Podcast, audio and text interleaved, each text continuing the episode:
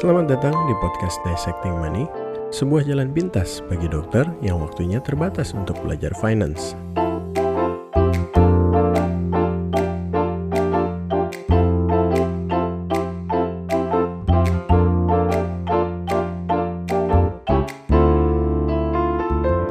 Ho ho ho, disruptive doctors. It's closing to the end of the year 2020 and I hope you are all having a very merry Christmas dan bersiap-siap untuk perpindahan tahun ke tahun yang baru. And 2020 has been amazing dan sedikit mengenai perpindahan tahun ya kalau misalnya tradisi keluarga saya itu kami nggak pernah keluar-keluar gitu ya party-party kami biasanya ngumpul di rumah salah seorang anggota keluarga dan kemudian pada saat perpindahan tahun itu kami berdoa mengucap syukur untuk tahun sebelumnya dan mengucapkan harapan-harapan untuk tahun-tahun berikutnya. Dan dulu ya waktu saya kecil saya merasa bahwa aduh ini malesin banget sih ya tradisi keluarga ini bikin saya nggak bisa pergi party-party di luar sama teman-teman saya yang lain pada saat perpindahan tahun. Tapi sekarang di saat saya sekarang sudah beranjak dewasa gitu ya, saya berpikir bahwa kayaknya sebenarnya ada baiknya kebiasaan ini. Karena memulai tahunnya itu artinya benar-benar kita melihat ke belakang tahun sebelumnya kita bersyukur atas hal-hal yang sudah terjadi baik yang baik maupun yang buruk dan kemudian kita mengucapkan kita memulai tahun baru dengan kaki yang berharap bahwa tahun ini akan menjadi lebih baik dari tahun sebelumnya.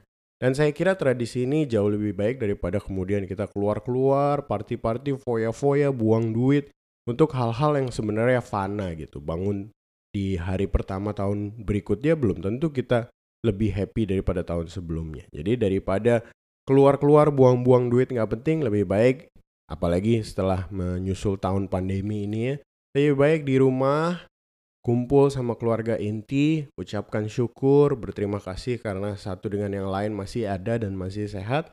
And I think that's gonna be a great foundation for the next year. Anyway, kita udah sampai ke episode ke-29 daripada podcast Dissecting Money ini.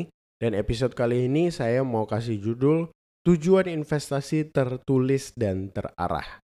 Tapi sebelumnya saya mengucapkan terima kasih banyak dulu untuk followers-followers yang bertahan di social media dari Dissecting Money.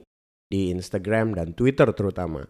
Kenapa? Karena setelah nonton The Social Dilemma kemarin, saya merasa bahwa kayaknya kalau misalnya saya terlalu banyak follow account-account yang nggak penting, saya jadi terjerumus gitu ya, saya jadi terseret mau dibawa oleh algoritma ngelihat uh, yang lain, ngelihat yang lain, ngelihat yang lain sehingga screen time saya jadi terlalu panjang. Sehingga waktu itu satu titik akhirnya saya memutuskan untuk restart, jadi saya followingnya nol baik di Instagram maupun di Twitter. Dan ternyata itu sangat mengubah kerja algoritma mereka gitu ya. Jadi tadinya yang biasanya post saya itu lebih banyak engagement, kalau misalnya ternyata saya followingnya dikit, itu engagement itu akan jauh berkurang dinilai oleh algoritma Instagram sehingga story saya jadi lebih sedikit dilihat, posting saya juga jadi lebih sedikit dilihat oleh orang-orang. But that's okay. Jadi untuk orang-orang yang masih engage sama saya di social media, thanks for being a loyal followers yang tidak terpengaruh oleh perubahan algoritma ini akibat uh, perubahan yang saya lakukan di social media. Kemudian saya mau mengingatkan jangan lupa untuk cek website di www.dissectingmoney.com dan juga YouTube channel dari Dissecting Money. Kalau ada artikel blog yang disuka, jangan lupa tinggalkan komen. Kalau nggak suka juga tinggalkan aja komen. Mau maki-maki, mau marah-marah di situ silahkan. Begitu juga di YouTube channel, silahkan tinggalkan komentar. Dan jangan lupa nyalakan bell notification. Kalau ada yang nggak suka, ini kok rasanya yang dibahas terlalu jauh dari finance, silahkan tinggalkan komentar. Karena feedback dari sejawat sekalian sangat berharga untuk saya. Oke, kemudian mengapa di episode ke-29 ini saya mau membahas mengenai tujuan investasi? Karena menurut saya memang banyak sekali orang ya teman-teman sejawat maupun orang lain yang berinvestasi tapi sebenarnya nggak punya tujuan.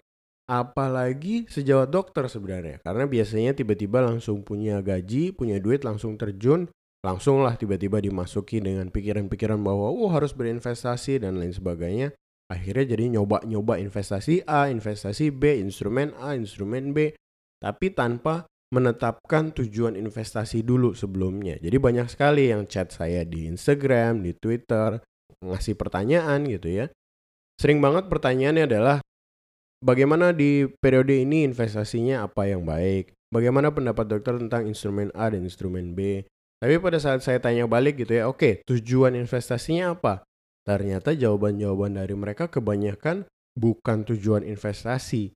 Boro-boro tertulis dan terarah gitu ya. Jadi sama sekali tidak layak untuk dibilang sebagai tujuan investasi. Nah, untuk memperjelas apa sih sebenarnya tujuan investasi itu dan bentuknya seperti apa sih? Sebelumnya saya mau kasih ilustrasi dulu kepada sejawat dan pendengar sekalian. Jadi ilustrasinya ini udah sering saya sebutkan di beberapa seminar-seminar yang saya bawakan. Seperti mengendarai mobil tanpa tujuan. Jadi kalau misalnya kita mengendarai mobil tapi kita nggak punya tujuan, yang ada kita hanya akan buang-buang bensin karena buang-buang bensin akhirnya ya buang-buang waktu dan juga buang-buang uang tadi kan karena harus beli bensin. Jadi kalau kita berinvestasi tanpa tujuan sebenarnya secara tidak langsung kita sedang buang-buang uang. Karena ilustrasinya tadi seperti mengendarai mobil tanpa tujuan. Sebagai catatan aja, ilustrasi ini akan kita pakai terus nanti sampai akhir untuk menyampaikan poin saya mengapa sebenarnya tujuan investasi itu perlu untuk setiap orang, untuk setiap investor. Bottom line yang pertama, tujuan itu perlu. Karena kalau nggak ada tujuan artinya kita sedang berjalan tanpa arah, muter-muter nggak jelas, dan akhirnya jadi buang-buang waktu, buang-buang uang. Nah ada suatu quote yang saya dapat dari bukunya Tony Robbins ya yang judulnya Unshakable yang udah saya tuliskan uh, reviewnya di review buku akhir tahun 2020. Ini salah satu buku yang menurut saya sangat baik untuk sejawat dan pendengar baca. Dia bilang begini, bahwa dia udah wawancara banyak sekali investor-investor ternama di dunia dan dia mendapatkan bahwa ada satu kesamaan, satu rahasia yang dimiliki oleh seluruh investor terkenal tersebut, yaitu cara mereka untuk berhasil adalah bukan cari cuan. Dan ini merupakan hal yang counter culture sekali sebenarnya di dunia investasi karena tiap kali biasanya yang digadang-gadangkan, yang ditawarkan ke orang adalah cuannya gitu ya. Tapi Tony Robbins bilang rahasia seluruh investor terkenal bukan cari cuan. Tapi jangan sampai buang uang. Mungkin kedengarannya mirip, tapi sebenarnya secara fundamental ini sangat berbeda. Kunci utama investor terkenal dalam mencapai keberhasilannya adalah bukan cari cuan. Konsentrasinya bukan di cuannya. Tapi jangan sampai rugi. Jangan sampai buang uang. Nah, apa hubungannya dengan tujuan investasi? Nanti perlahan-lahan akan terbuka melalui pembahasan saya pada episode kali ini. Nah, the way this works adalah saya akan membahas mengenai tujuan investasi dengan metode yang sering digunakan pada saat kita diskusi grup dulu kalau untuk teman-teman yang mengalami kurikulum berbasis kompetensi yaitu dengan menggunakan 5W1H atau what, who, when, why, where, how. Jadi satu topik akan ditanyakan sendiri oleh kita what, who, when, why, where, how mengenai topik tersebut dan kemudian kita akan mendapat pembahasan yang lebih jelas mengenai topik itu. Nah, sebelum masuk lebih dalam, pertama kita harus tahu dulu apa sih tujuan investasi, definisinya apa. Jadi untuk nomor satu kita dapat what-nya. Karena menurut saya dalam segala sesuatu kita harus tahu dulu definisi sebuah topik, baru kemudian kita bisa mempelajari ke dalam apa sih hal itu sebenarnya. Nah, jadi tujuan investasi itu memiliki definisi. Silahkan boleh ambil catatan ya kalau mau dicatat karena ini adalah definisi yang saya susun sendiri berdasarkan hal-hal yang saya baca. Jadi nggak akan didapatkan di buku mana pun karena ini satu hal yang saya susun sendiri. Silakan dengar dulu definisinya dari awal sampai akhir dan kemudian nanti akan saya breakdown satu persatu bagiannya. Jadi menurut saya definisi dari tujuan investasi itu adalah sebuah target yang tertulis dan terukur, baik dari segi nominal maupun segi waktu, yang dijadikan pedoman dalam situasi ekonomi seperti apa pun dan dalam kondisi psikologis investor bagaimanapun. Saya ulangi lagi ya. Sebuah target yang tertulis dan terukur, baik dari segi nominal maupun segi waktu, yang dijadikan pedoman dalam situasi ekonomi seperti apa pun dan dalam kondisi psikologis investor bagaimanapun. Nah, kita akan bahas satu persatu nih bagian-bagian ini. poin-poin penting daripada definisi tujuan investasi ini. Yang pertama adalah ya tadi ya udah jelas di depan bahwa tujuan investasi itu merupakan sebuah target, merupakan garis finish yang mau kita capai. Nah, kemudian poin berikutnya yang penting adalah tertulis ya. Jadi tujuan investasi itu nggak bisa kita hanya pegang di kepala kita, kita hanya merasa bahwa oh iya oke kita harus mencapai duit sejumlah segini. Nggak bisa. Tujuan investasi itu harus tertulis. Karena kalau enggak, kita nggak akan inget dan sama aja bohong gitu ya. Tujuannya itu tapi mencapainya gimana kita nggak tahu. Ya balik lagi ke hal di definisi tadi, namanya aja pedoman. Orang sering kali kalau udah lupa sama aturan-aturan yang seharusnya bagaimana ya biasanya baca lagi ke pedomannya gimana, guidelinesnya gimana. Kita kalau lupa sama tata laksana kan akan baca lagi guidelines penyakit A, penyakit B itu sebenarnya gimana supaya kita punya pedoman. Kalau lupa ya harus dibaca lagi. Makanya tujuan investasi ini, perencanaan investasi ini betul-betul harus tertulis. Ya terserah ya, mau tulis di mana, di note, di HP, atau mau ditulis gede-gede, ditempel di tembok atau di kulkas ya silakan gitu ya. Jadi tapi poinnya adalah harus tertulis supaya suatu saat kita bisa baca lagi di saat kita mulai merasa kehilangan arah. Kemudian poin penting kedua adalah terukur. Tadi terukurnya ada dua tolok ukurnya yaitu bisa diukur dari segi nominal, jadi jumlah yang mau dicapai berapa, dan dari segi waktu, mau dicapainya kapan. Karena saya udah ungkapkan beberapa kali di blog post bahwa kalau misalnya kita nggak punya angka-angka ini, nominalnya berapa dan waktu untuk mencapainya berapa, kita nggak akan bisa hitung gitu loh. Kita nggak akan bisa tentukan ini untuk jangka pendek, jangka menengah, atau jangka panjang instrumennya apa kira-kira yang cocok? Expected return yang mau kita harapkan dari instrumen investasi kita berapa? Jadi betul-betul harus terukur baik dari segi nominal maupun segi waktu. Makanya nggak masuk akal menurut saya kalau orang bi bilang suatu tujuan investasinya adalah ya saya mau kumpulkan uang sebanyak-banyaknya. Saya mau cuan sebanyak-banyaknya. Ya pokoknya saya mau kaya aja. Itu bukan tujuan investasi, itu adalah mimpi. Karena nggak bisa diukur. Karena itu adalah infinity, itu adalah ketidakterbatasan. Karena kan mau sebanyak-banyaknya, artinya nominalnya aja nggak jelas. Mau tercapainya kapan juga nggak jelas. Bagaimana cara kita memasukkannya ke dalam rumus matematika supaya mendapatkan sebuah infinity? Harus dibagi nol. Nah sekarang gimana caranya mau berinvestasi kalau misalnya rumusnya harus dibagi nol? Jadi itu semua jadi kacau sendiri dan jadi runtuh. Sehingga tujuan investasi itu sangat penting untuk dia terukur supaya kita bisa hitung.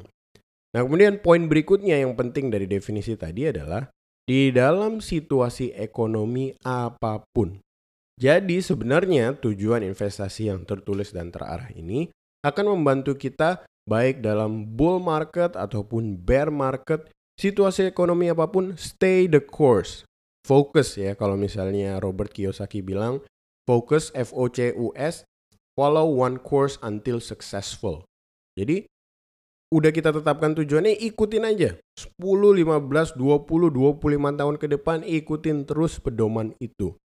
Karena bahkan ada yang bilang gitu ya, ini menurut para investor-investor, penulis-penulis uh, buku-buku finance ternama, mereka semua setuju bilang bahwa sebenarnya apa pun bentuk portofolionya, apa pun bentuk aset allocationnya, sebenarnya pengaruhnya sedikit. Yang jauh lebih penting adalah konsistensi. Jadi lebih baik tetapkan satu tujuan, satu target, satu perencanaan yang tertulis dan terarah. Kemudian kita ikutin aja daripada tiap kali tiba-tiba bull market, tiba-tiba bear market karena pandemi COVID-19 ini berubah lagi portofolionya, pindah dari saham ke emas, nanti pada saat emas sudah turun pindah lagi dari emas ke saham dan sebagainya itu nggak akan berpengaruh banyak. Malah sering kali akan membuat kita jadi kalah gitu ya di dalam berinvestasi. Karena kita terlalu banyak nggak punya pendirian di dalam berinvestasi. Jadi ini penting. Jadi konsistensi di dalam menentukan perencanaan investasi itu sangat penting. Ada quote yang saya sangat suka saya dapat dari Twitter tapi akunnya saya lupa akun siapa.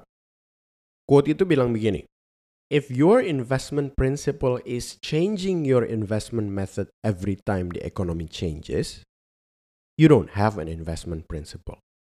Jadi kalau misalnya ada seseorang yang merasa bahwa prinsip investasinya adalah mengubah prinsip investasi setiap kali situasi ekonomi berubah, makanya sebenarnya seseorang itu tidak punya prinsip dalam berinvestasi. Nggak punya dasar, dia sedang ngasal aja melakukan investasinya gitu. Sekarang analoginya begini, mau nggak sejawat dan pendengar sekalian berinvestasi ke sebuah perusahaan yang nggak punya prinsip gitu ya. Kita mau investasi ini, kita mau tanamkan duit kita berharap untung dari sebuah perusahaan. Tapi kita tahu bahwa dia nggak punya prinsip gitu. Dia sama sekali berubah-berubah melulu prinsipnya di dalam usaha. Ya pasti nggak mau gitu loh. Nggak ada investor yang mau investasi di perusahaan yang tidak punya prinsip. Nah makanya sama. Kita sebagai investor, kita mau menginvestasikan uang kita. Kita punya nggak prinsip di dalam mengatur uang kita tersebut gitu loh. Karena kalau misalnya kita sendiri nggak punya prinsip, sebenarnya we have no business managing our own money gitu. Lebih baik nggak usah diatur sekalian. Karena kita tidak punya prinsip tadi. Nah, kemudian poin berikutnya dari definisi tadi. Kondisi psikologis bagaimanapun. Ya tadi saya udah sebut mau bear market kek, mau bull market kek, pokoknya stay the course. Jim Daly, pendirinya White Coat Investor, dia bilang gitu ya, dan saya ingat sampai sekarang bahwa hampir pasti bahwa investor pemula itu akan mengalami kesusahan di bear market. Jadi misalnya pada saat stock market jeblok, itu biasanya akan susah tuh. Mereka kan cenderung nggak bisa lihat minus, nggak bisa lihat merah portofolionya dan kemudian akhirnya malah jadi jual, jadi lock in the loss, jadi rugi kerugiannya justru direalisasikan. Kemudian kalau misalnya udah lebih sedikit intermediate gitu ya, investor intermediate biasanya akan susah di dalam bull market pada saat marketnya rebounds kemudian plus 15, 20, 30 sampai 50% portofolionya hijau, dia akan berpikir bahwa wah ini saya betul-betul harus ambil nih duitnya kalau nggak nanti merosot lagi. Jadi nggak stay the course juga. Jadi itu investor intermediate. Tapi kalau misalnya experience investor atau investor yang sudah sangat berpengalaman, maka dia nggak akan peduli gitu ya mau bear market kayak mau bull market kayak dia sudah menetapkan tujuan dan perencanaan investasinya bagaimana. Itu sudah tertulis, itu sudah terarah. Dia tinggal ikutin pedoman tadi. Jadi santuy aja gitu ya. Terusin, lanjutin 20 sampai 30 tahun ke depan. Nah, sekarang kita sudah dapat jawaban atas what-nya. What is an investment goal? What is a written investment plan? Jadi apa itu tujuan investasi sudah terjawab. Sekarang yang kedua, who and when ya saya mau jadikan satu uh, antara siapa dan kapan ini. Siapa dan kapan kita butuh tujuan investasi? Who needs an investment goal and when do we need investment goal? Pada dasarnya sih ini singkat aja. Siapa pun yang udah punya gaji dan udah mulai mengatur keuangannya sendiri dan sudah mengamankan dana darurat dan kebutuhan asuransi, baru seseorang itu membutuhkan tujuan investasi. Ya, jadi ada beberapa prasyarat di sini. Yang pertama ya punya income rutin, gaji. Dan kemudian syarat berikutnya adalah kalau misalnya kita mau berinvestasi ya harus punya dulu dana darurat harus aman dulu dan kebutuhan-kebutuhan asuransi harus aman dulu untuk kita dan keluarga. Kalau misalnya itu sudah terpenuhi, baru kita menetapkan investasi dan tujuan-tujuan investasi kita. Karena seperti yang saya udah bilang berkali-kali, Nggak ada guna investasi kalau misalnya kita belum punya fondasinya. Fondasinya adalah dana darurat dan asuransi-asuransi yang esensial. Jadi udah terjawab nih pertanyaan nomor dua. Who and when? Nah kemudian kita ke poin yang berikutnya. Yang ketiga, why? Kita udah mulai masuk ke kenapa sih seseorang itu butuh tujuan investasi. Walaupun beberapa poinnya udah disebutkan tadi dalam definisinya. Tapi ada beberapa alasan mengapa menurut saya seseorang itu sangat butuh tujuan investasi. Yang pertama, membuat target yang raksasa menjadi kecil. Ya, kalau misalnya target dana pensiun misalnya, kelihatannya gede banget, 10M atau 20M gitu ya. Tapi begitu kita atur, kita hitung berdasarkan tujuan investasi tadi, kita ukur nominalnya sekian. Oke, berarti saya butuh expected return per tahun sekian. Berarti instrumennya A. Kemudian kita dapatkan bahwa ternyata oh setiap bulan saya harus menabungnya hanya sekian juta. 10 juta, 15 juta, dan seterusnya. Jadi target yang tadinya kelihatan gede, nggak mungkin lah saya bisa nabung sampai sekian miliar. Jadi kelihatan kecil gitu ya, karena kita melihatnya dalam konteks DCA atau dollar cost averaging dan per bulannya jadi angkanya kecil, nanti compound interest yang akan membantu kita mencapai target tersebut. Jadi ini yang pertama, membuat target yang kelihatannya raksasa menjadi kecil. Yang kedua adalah mengontrol risiko. Risiko apa? Risiko psikis investor. Karena seperti yang sudah saya bilang tadi, psikis investor atau keadaan psikologi investor itu sering kali irasional kalau misalnya melihat perubahan-perubahan di dalam kondisi market lagi bull market mau jual, lagi bear market juga mau jual. Akibatnya jadi jual harga rendah, belinya harga tinggi. Nah, itu yang menurut saya sangat menjatuhkan investor dan sangat merugikan untuk portofolio investasi kita terutama yang jangka panjang. Jadi yang kedua adalah mengontrol risiko. Kemudian yang ketiga, kenapa kita butuh tujuan investasi adalah to set our eyes on the price. Ya. Kalau misalnya pelari maraton itu dia lari 42 km itu nggak mungkin bertahan kalau nggak di kepalanya memikirkan garis finish gitu ya. Jadi betul-betul harus kita punya mata yang melihat ke arah tujuan kita. Jadi tujuan investasi ini akan membantu memfokuskan mata kita ke yang ditujuan. Saya tahu bahwa suatu saat dengan tujuan investasi ini, perencanaan investasi yang tertulis dan terarah ini saya tahu bahwa dana pensiun saya pasti tercapai. Kalau misalnya saya utak-atik di tengah-tengah, saya jual atau saya beli yang lain, saya pindah instrumen lain, itu nggak akan membantu. Jadi tujuan investasi yang tertulis dan terarah ini akan membantu meset mata kita nggak ke mana-mana lagi. Kemudian yang berikutnya adalah where. Tapi where ini sebenarnya nggak ada jawabannya ya karena di mana kita butuh tujuan investasi nggak ada ya sebenarnya di mana pun di negara mana pun. Jadi untuk pertanyaan where ini not applicable. Dan kemudian yang terakhir adalah how. Jadi we 5W-nya udah kebahas. Jadi yang terakhir tinggal how atau bagaimana sih caranya kita membuat sebuah tujuan investasi supaya bisa tertulis dan terarah seperti tadi. Karena kalau misalnya bicara teori aja biasanya nanti sejauh dan pendengar nggak bikin nih tujuan investasinya. Jadi sebagai poin terakhir daripada pertanyaan 5W1H ini, saya akan bahas bagaimana sih seseorang bisa membuat sebuah tujuan investasi yang tertulis dan terarah. Nah, sebenarnya lebih gampang untuk saya langsung kasih contoh aja ya. Jadi contoh tujuan investasi yang tertulis dan terarah itu adalah seperti demikian. Dan ini adalah contoh tujuan investasi saya beneran untuk dana pensiun. Jadi tujuan investasi saya yang tertulis dan terarah adalah dana pensiun sejumlah 11 miliar rupiah pada tanggal 1 Januari 2042. Untuk mencapainya saya akan mengalokasikan aset saya 90% di saham, 10% di obligasi, yang saya akan ubah menjadi 70% saham dan 30% obligasi setelah tahun kelima, dengan expected return 13% per tahun. Saya akan melakukan portfolio rebalancing setiap tanggal 1 November setiap tahunnya. Saya akan melakukan dollar cost averaging dari gaji rutin setiap maksimum tiga hari setelah gajian.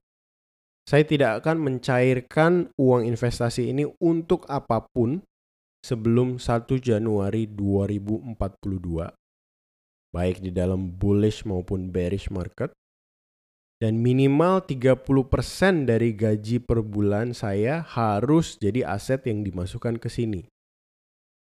Oke, itu tujuan investasi saya tertulis dan terarah untuk dana pensiun. Jadi kalau misalnya sejawat mau dengar lagi silahkan ulang bagian yang tadi itu adalah tujuan investasi saya dan perhatikan bahwa satu persatu syarat-syarat yang tadi uh, saya sebutkan itu sudah terbahas dalam tujuan investasi ini. Dan Perhatikan bahwa ini hanya untuk dana pensiun, ini hanya untuk satu tujuan investasi.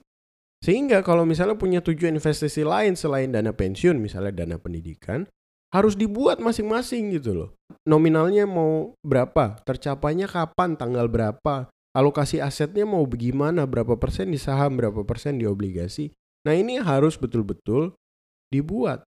Nah makanya sebenarnya tujuan investasi ini nggak semudah itu. Jadi bukan semudah kayak ya saya mau punya dana pendidikan buat anak kuliah terus nggak punya target nominal target waktu itu bukan tujuan investasi jadi harus dibuat sedetail itu sehingga Tujuan inilah yang jadi pegangan gitu, jadi pedoman di saat kemarin bearish market turun sekian belas persen, sekian puluh persen gara-gara COVID-19 ya saya tenang aja karena saya punya tujuan tertulis ini. Sekarang di saat bullish market saya udah plus 20-an persen gitu ya. Apakah dijual? Enggak. Saya tenang aja karena target saya bukan sekarang. Target saya itu nanti masih 20 sekian tahun lagi.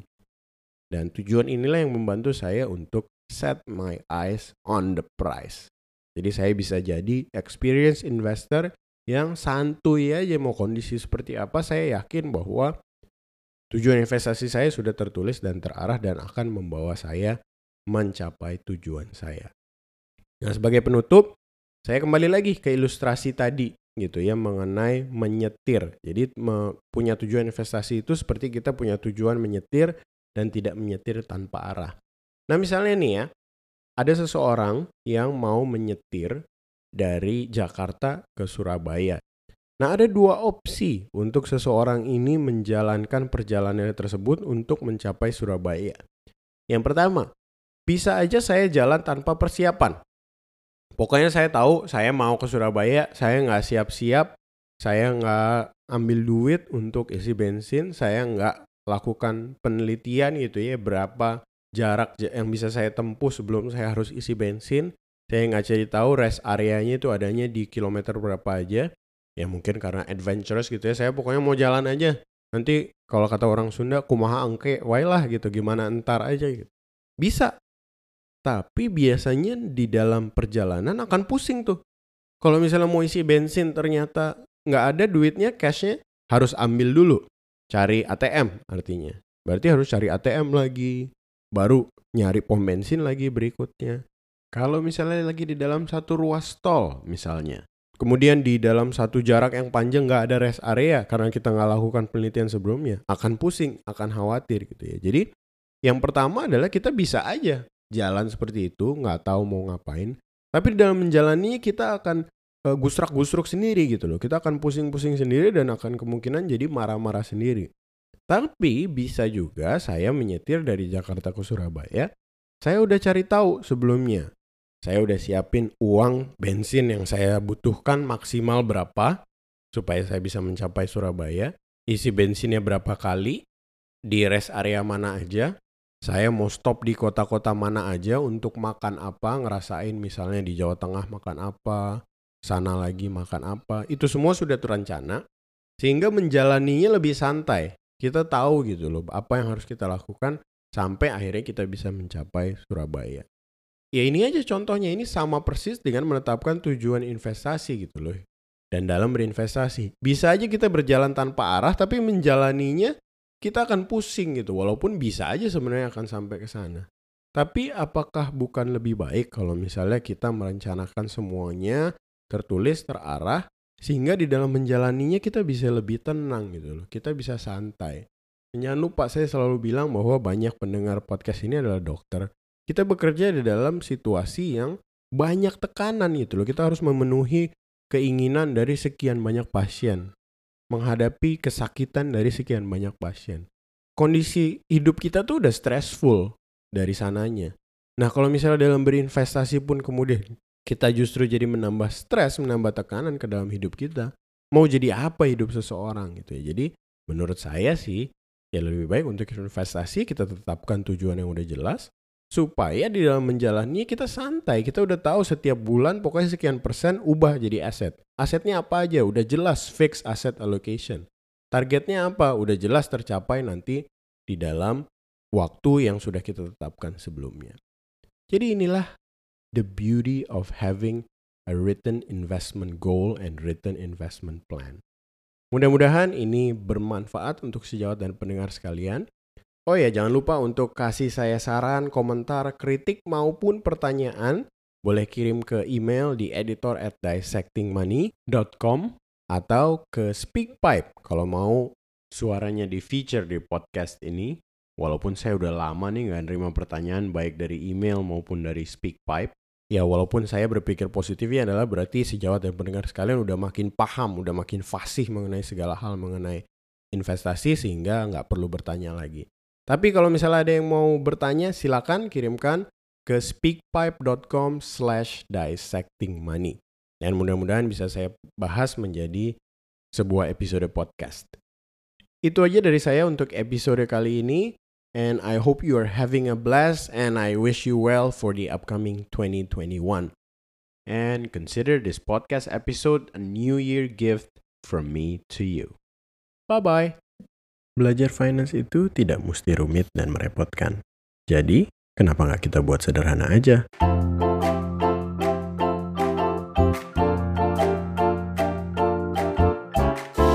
Sedikit disclaimer bahwa saya, Dr. Jefta Tobing, adalah seorang spesialis ortopedi. Saya bukanlah financial planner atau akuntan, ataupun pengacara keuangan atau bisnis. Sehingga informasi yang Anda dengar di podcast ini biarlah untuk bahan informasi dan untuk senang-senang saja. Jangan dijadikan saran keuangan yang formal.